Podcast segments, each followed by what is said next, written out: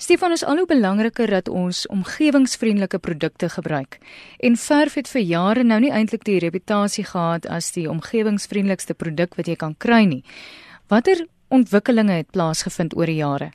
Min mense verstaan werklik waaroor omgewingsvriendelikheid gaan en om 'n produk op 'n muur te kan sit, op 'n produk op staal te kan sit, om 'n produk op vloere te kan sit, om protective environments moet jy nog steeds probeer om om omgewingsvriendelik te bly. En met die tegnologie wat deesdae beskikbaar is, het ons as chemikuste het ons al geslaag om produkte voor te bring wat 'n verskil kan maak in omgewingsvriendelikheid en ook protective environment. Vir jou basies produkte kan bied wat weerstand bied teen al die elemente van die natuur en ook om omgewingsvriendelik te wees.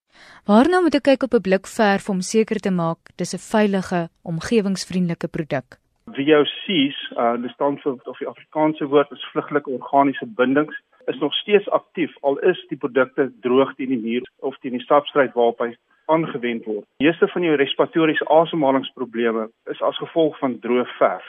En met die tegnologie wat tans beskikbaar is, kan daar alreeds produkte gelewer word wat geklassifiseer word as 'n zero VOC. Daar's geen produkte in wat brand gaan bevorder binne in die produk nie. Daar's geen elemente in wat die persoon se se gesondheid gaan affekteer nie. Wat is die nuutste triks wat verf kan doen? Daar is relatief dinge wat alreeds geïmplementeer is. Ons kyk byvoorbeeld na na verf wat muskiete weghou. Dit is soos 'n gewone verf wat jy in jou huis verf met enige kleur kyk na glow in die dark, dis verf wat jy die niere of op dakke kan verf en hy word deur enige hitte word hy geaktiveer, 5 tot 10 minute lading en dan kan hy vir 8 tot 12 ure kan hy vir jou lig binne in 'n gebou gee. Ons kan kyk na die vliegtuigtegnologie. Die nanotegnologie het baie toepassings in die sektor gekry en ons maak gebruik van ehm um, van die nanotegnologie om 'n verf te maak wat vliegtye byvoorbeeld aangewend kan word. As jy voordat na die na die na die dikte van die verf gaan kyk, sal jy sien dat hy is hy's 100 keer dunner as wat jou hare as sulks is.